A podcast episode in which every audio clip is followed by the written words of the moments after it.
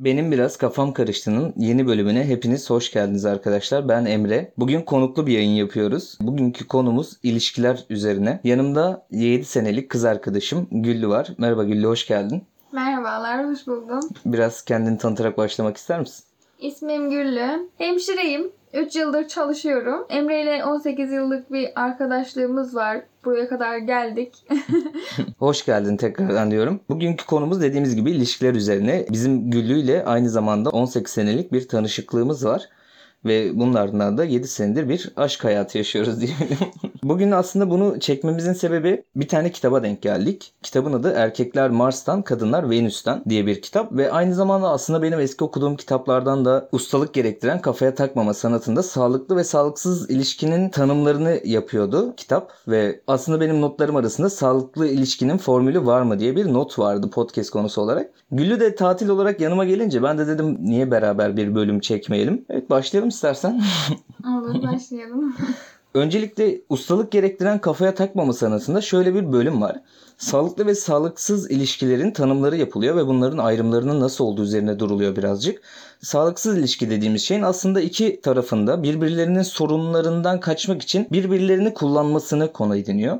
Sağlıklı ilişkinin ise birbirine daha çok destek vermesi ve tarafların birbirlerinin sorunlarını kabul etmesi üzerine sağlıklı ve sağlıksız ilişkiyi ayıran iki şey var. Bunların birincisi ilişki içindeki her bireyin sorumluluğunu ne kadar kabul ettiği, ikincisi de iki tarafında partnerini reddetme ve onun tarafından reddedilmeyi kabul edebilmesi. Herhangi bir durumda biz gayet de ne istediğimizi bilen, ne istemediğimizi bilen, istemediğini bilmediğinde de saygı duymasını bilen. Olduğu gibi kabul eden, anlayışla karşılayan bir çiftiz. Yani bu bazen mesela sakal uzatmak istiyorum kabul etmiyor ama olsun yani ben de bazen yakıştırmıyorum kendime bazen yakıştırıyorum. Yani kendi kendim hakkında kendi düşüncelerim ile değişirken benim hakkındaki düşüncelerin değişmesi çok normal bence. Yani ha dese ki uzatacağım, sen bilirsin diyorum ama kimse Kessen bir türlü, kesmesen bin türlü.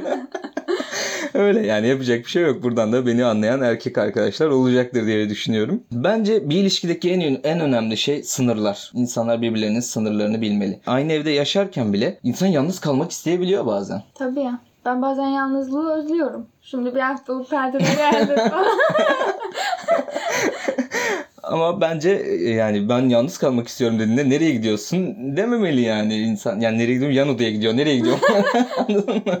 Yani otursun kendi başına takılsın biraz. Film falan izleyecektir belki. Tabii yan yanayken otururken bile böyle film izlerken yemek yerken yan yanasın mesela. Bir zaman sonra herkes kabuğuna çekiliyor. Aynı koltukta bir kenara atmışsın kendini. Telefonla uğraşıyorsun. Herkes kendi alemine gidiyor.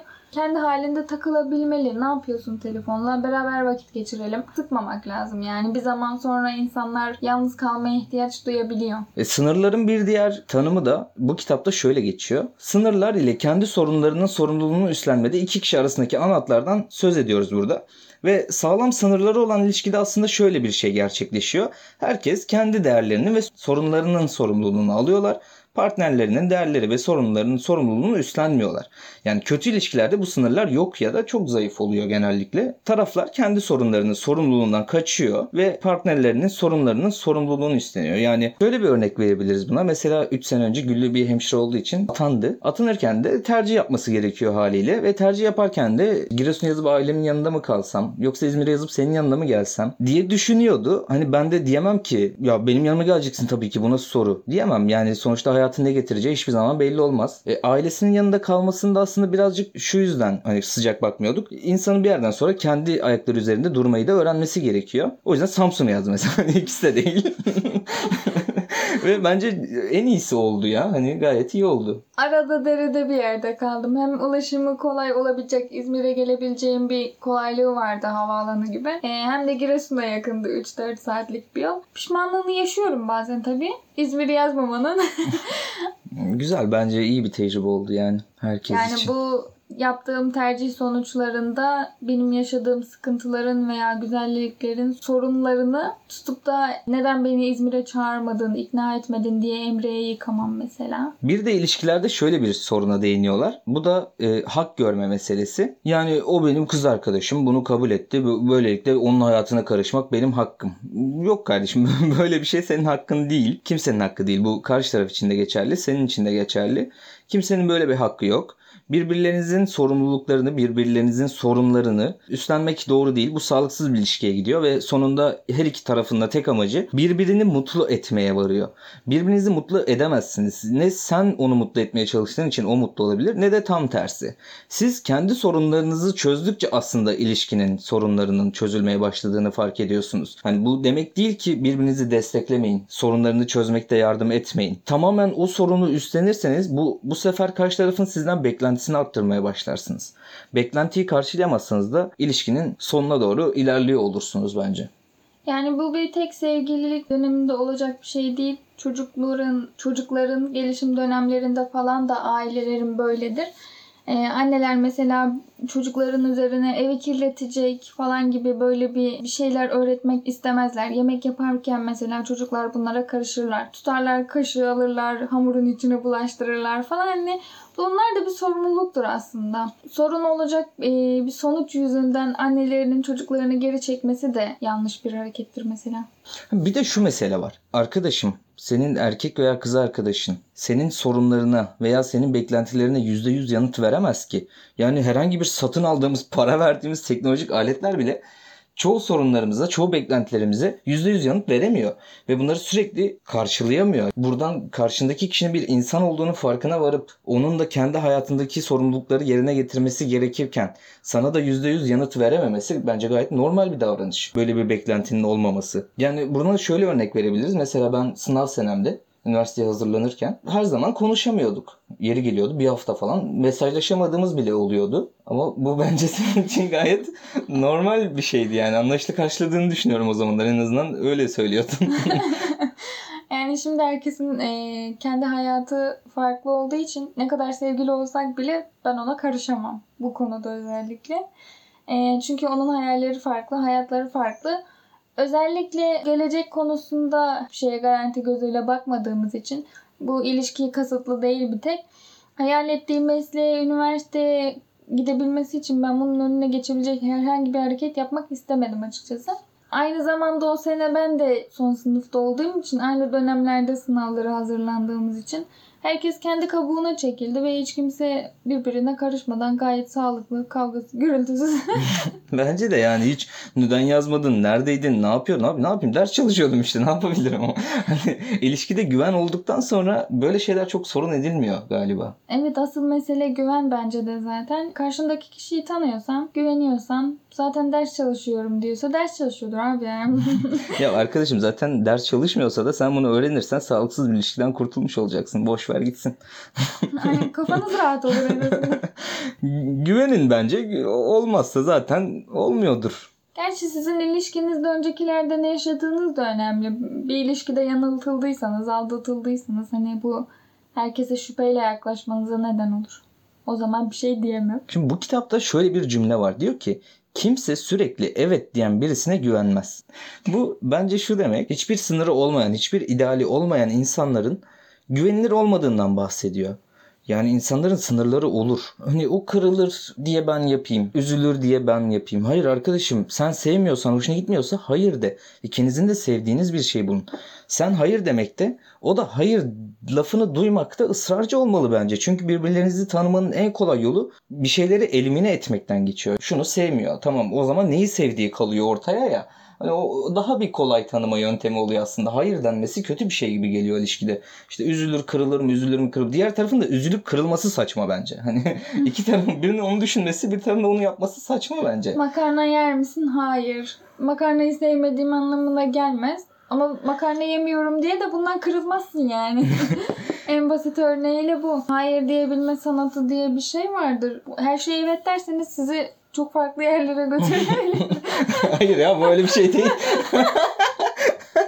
Şimdi burada Erkekler Mars'tan Kadınlar Venüs'ten kitabı üzerine konuşacağız biraz da, biraz da oradaki ilişki yorumlarını birazcık değerlendireceğiz. Kadınların erkeklerle ilgili en yaygın şikayetinin erkeklerin dinlememesi olduğunu söylüyor burada kitapta.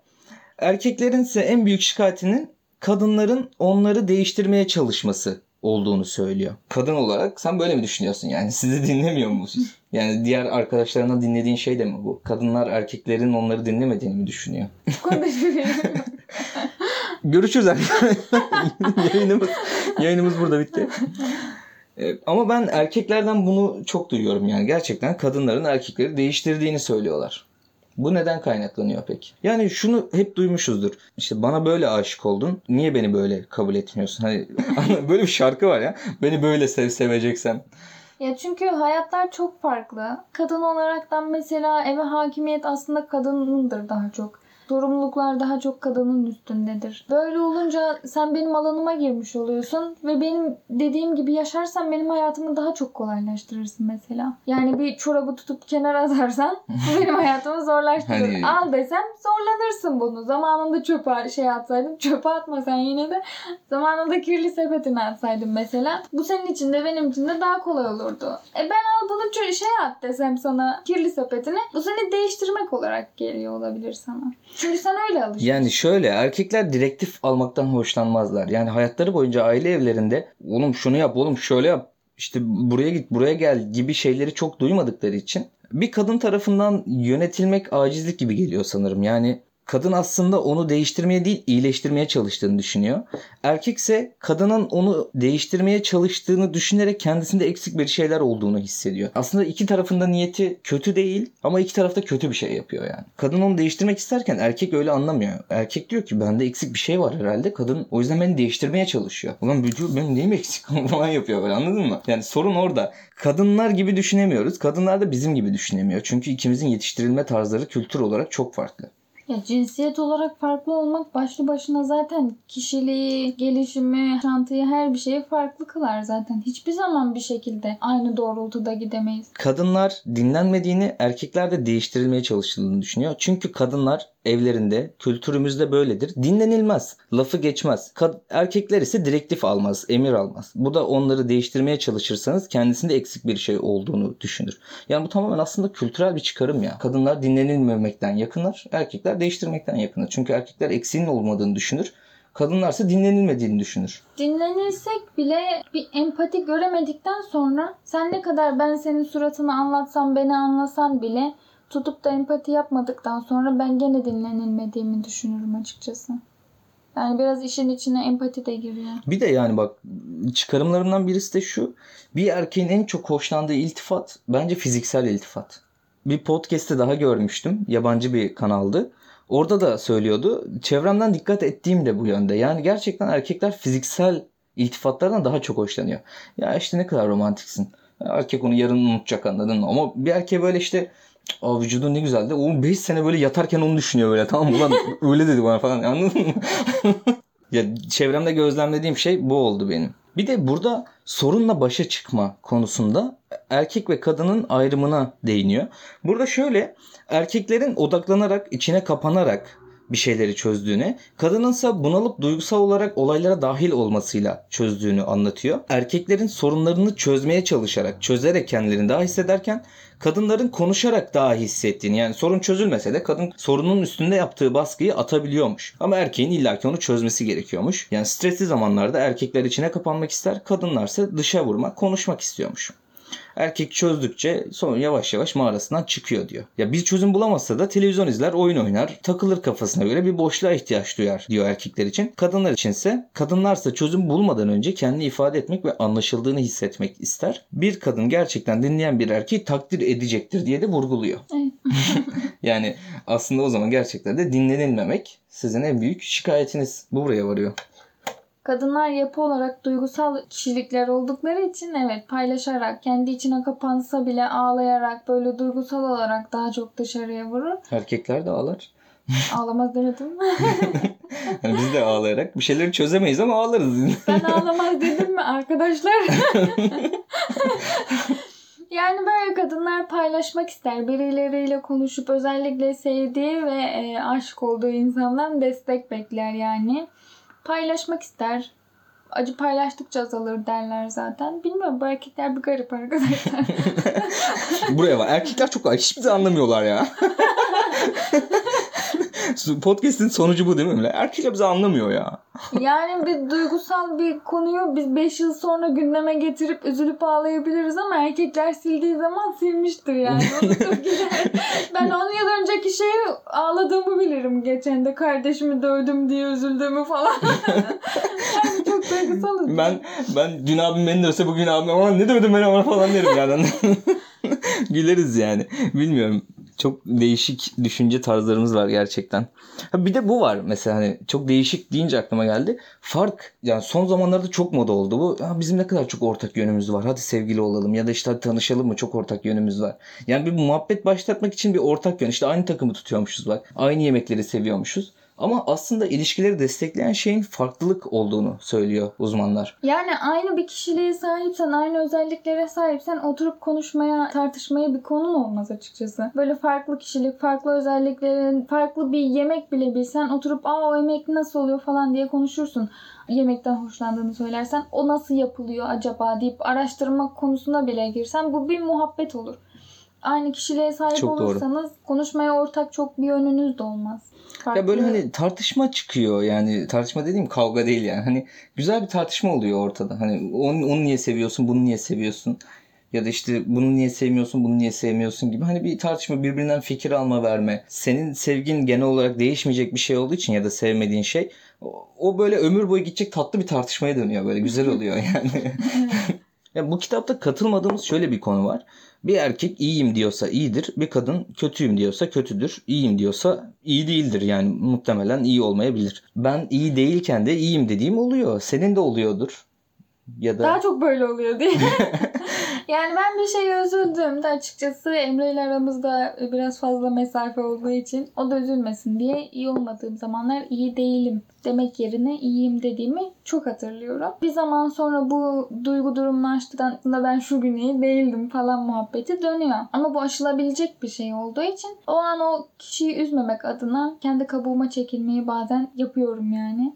Bir erkek iyi olduğunda, iyiyim dediğinde kesin iyidir diye bir ibare de olmayabilir. Hani kadınlar gibi bunlar da kendi içlerine çekilip aslında iyi olmadığını bize söylemiyor olabilir. evet ol ama ben genel olarak duygularımı içinde yaşayan bir insan olduğum için çok fazla anlatmam böyle şeyleri. Yani bu senden önce de böyleydi. Senden sonra da böyle oldu. Benden önce ne kadar hayatın var? Hayır kızım. Biz de yaşadık 2-3 sene senden önce. Ee, bir de o ne diyordan bir ilişki testi. o zaman belli olacak işte bizim ne yaptığımız. Posta gazetesinde şu an. Şaka şaka. Genç aşıklara ne gibi tavsiyeler verebiliriz buradan? Bu arada biz uzun ve uzak mesafe ilişkisiyiz. Aramızda şu an 1200 kilometre var sanırım. Şu an değil tabii. Şu an, şu an bu yana podcast yanayız. çekmek için yan yanayız da. Evet bu ilişkinin çok zor yanları var. Şimdi ha onu diyecektim. Yani insanlar sence uzak ilişkiye sıcak bakmalı mı? Yani ne diyorsun buna? Uzak ilişki sıkıntılı yanları var. Evet. Özellikle böyle bir normalde de yalnız yaşayan bir insansanız benim gibi. Canınız sıkıldığında bir şeye üzüldüğünüzde tabii yanınızda olduğu gibi olmuyor hiçbir şey. Ama aşılmıyor mu? Aşılıyor. Önemli olan aşk, sevgi, anlaşabilmek. Bir şekilde zaten buraya kadar geldiyseniz ilişkinizde uzak ilişki de halledilebilecek bir şey değil. Bence herkes bunu başarabilir. Mesafeleri bahane edip de ayrılmak bana açıkçası çok saçma geliyor. Tabii sizin mesafelerden anladığınız tam olarak nedir bilmiyorum ama tutup da arasında bir şehir olana da uzak mesafe ilişkisi geliyor olabilir. Yapılamayacak bir şey de değil. Önemli olan dediğim gibi anlaşabilmek, sevebilmek. Her şey bunlar olduktan sonra daha bir kolay oluyor bence. Yani ben şöyle düşünüyorum. Şimdi bizim iki sene olmuştu uzak mesafe ilişkisine döndüğünde. Ve aslında birbirimize tamamen güveniyorduk ve seviyorduk. O yüzden çok da zorlanmadık yani. Ara ara buluşmak bize çok koymadı. Uzun ilişkinin sırrı sence ne? Güven. Tek kelimeyle bence güven. Bir ilişkiye girdiysen zaten saygı ve sevgi duyuyorsundur diye düşünüyorum. Ha, Bence bir gelecek görebilme. Yani bu da güvenden geçiyor aslında ama Gelecek görebilmek. ya bir insanla eğlencenizin bitmeyeceğini düşünüyorsanız, harcadığınız vaktin değerli olduğunu düşünüyorsanız, bence bu bir ilişkiyi uzun yapacak şey oluyor. Sonuçta beraber vakit harcıyorsunuz ve o harcadığınız vaktin her zaman eğlenceli olabileceğine inanıyorsanız, o vakitte sıkılmayacağınızı düşünüyorsanız eğer ömür boyu, o ilişki uzun ilişki oluyor bence. Yani bu ilişkinizin uzun sürmesinde evet ortak noktalarda gerekiyor. Emre'nin de dediği gibi. E, beraber eğlenebileceğiniz şeyler olmalı da. Mesela Emre Luna Park'ı sevmez. Ben çok severim. Bana dedi ki tek başına git. Tabii şaka. Yani sevmediği şaka. Sevmiyorum Luna Park'ı. Sevmediği şaka. Pardon sevmediği gerçek. Sevmediği gerçek evet. Ee, ama beni yalnız da bırakmaz açıkçası. Yani bırakmam. Bir de fedakarlık önemli olan noktalardan birisi. Hem insan fedakarlık yapmalı. Bu tabii kendinden taviz vermek değil. Fedakarlık yapmalı ve beklenti bence aşkı öldüren şeylerden birisi. Yani bir beklentide olmamak gere- gerekiyor bence. Yani örnek olarak mesela doğum günümde acaba bana hangi hediyeyi alacak? Ya kardeşim belki almayacak. Belki adamın parası yok ya. Belki kadının parası yok yani. Almayabilir. Evet bu bizim Emre ile aramızda hiçbir zaman problem olan bir şey olmadı. Yeri geliyor doğum günde hediye almadığım ya da onun almadığı anlamsız bir günde hediyeleştiğimiz olabiliyor yani. Çünkü içimizden geliyor o an. Yani o gün doğum günü diye hediye almak zorunda değilim ki. Ama herhangi bir günde hediye almamak zorunda değilim anladın mı? Hani içimden gel gelince alırım. Birçok günü anlamlı kılmak her zaman hediyeleşmek anlamına gelmez. Mesela kimilerinin tanışma tarihi, ilk buluşma tarihi, ilk el ele tutuşma tarihi. Ya aşkım ilk el ele tutuşma tarihimizi nasıl unutursun? Bunlar sağlıklı ilişkin değildir bence arkadaşlar. Ya yani. tabii böyle şeyler takık insanlarda olabilir ama hani Biraz aynen. eğer ikiniz de takıksanız böyle şeylere takılabilirsiniz. O zaman bizi ilgilendirmez. Sonuç olarak birbirinizin sınırlarını bilmek, bu sınırları kabul etmek, birbirinize saygı duymak ve güvendikten sonra, güven problemlerini aştıktan sonra aslında ilişkiyi zorlayacak başka hiçbir konu görmüyorum ben. Hani ayrılık tabii ki olur. İnsanların fikirleri, düşünceleri değişir, hayatları değişir. Bazen hayatlarına giren yeni insanlar, bazen hayatlarından çıkan eski insanlar çoğu duygu durumunu etkiler. İlişkiler bitebilir de, ilişkiler başlayabilir de. Aslında bunların hayatın olağan bir süreci olduğunun farkına varıp beraber olduğunuz insanla mutlu olmaya çalışmak gerekiyor. Tabii ki her ilişki uzun ve sağlıklı olacak diye bir şey yok. Bazen de yanlışlardan öğreniriz. Bu da bizim sağlıklı bir ilişkiye doğru adım adım gittiğimize işarettir. Bu her yanlış sizi ayrılığa sürüklemeyebilir. Bu durumları beraber aşacağınız zamanlar da olabilir. Ama önemli olan aşabilmek ve yanlışı doğruyu bir şekilde yolunu bulup öğrenebilmek. Bunları beraber halledebilmek de sağlıklı bir ilişkidir aynı zamanda. Sonuçta herkes biriyle sağlıklı ilişki, iletişim kuruyorsa aynı zamanda beraber öğreniyor da demektir. Bazı şeyleri beraber yaşar, aşarlar. Bu bölümün de sonuna geldik. Ee, katıldığı için Güllü'ye teşekkür ediyorum. Umarım yeni ilişkiye başlayacak ve ilişkisi içerisinde olanları çözmeye çalışacakları için faydalı bir podcast olmuştur. Umarım eğlenmişsinizdir. Tekrar görüşene dek iyi ki varsınız. Son bir şeyler söyle istersen. Evet arkadaşlar dinlediğiniz için teşekkür ederim. Bizim için de Emre ile bir tecrübe oldu. Beraber hiç böyle bir şey yapmamıştık. Eğlenceli oldu. Ben sevdim. Teşekkür ederiz hepinize. Kendinize iyi bakın.